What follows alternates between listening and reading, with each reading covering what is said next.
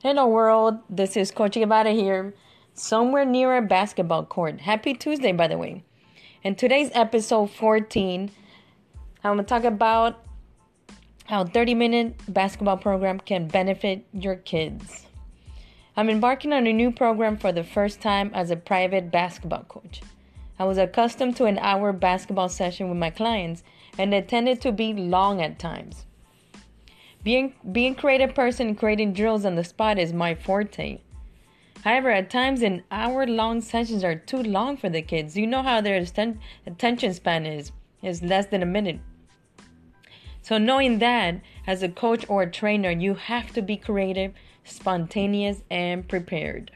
Remember that key word you have to be prepared.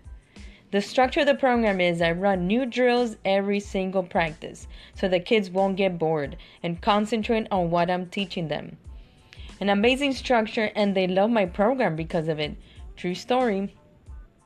I'm branching out to 30 minutes instead of an hour because in reality, kids' attention span does not last more than 30 minutes.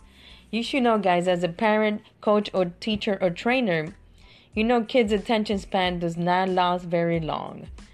So, this is a great way for the kids to learn, progress, and focus on the task at hand. It will strictly focus on the drills, which include agility, cardio, and all the fundamentals in basketball. All condensed in 30 minutes. 30 minutes of hard work, sweat, and most importantly, fun. Sports is all about fun. Each practice, I will focus on a particular drill, skill, and what the client needs improvement on and from then on concentrate elevating the drills. Each practice, the drills will increase gradually from beginner to high school level. To be frank, 30 minutes should be sufficient and convenient for both the parents and the kids. 30 minutes of focus, fun, concentration, and towards the end, I always play one-on-one games with my clients. They love it. They play they love playing against me.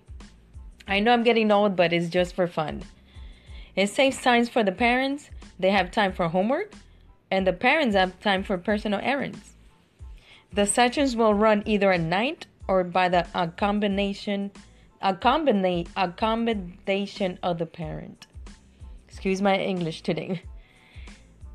This is Coach Guevara, owner of Chinese Soup. Have a wonderful day. About.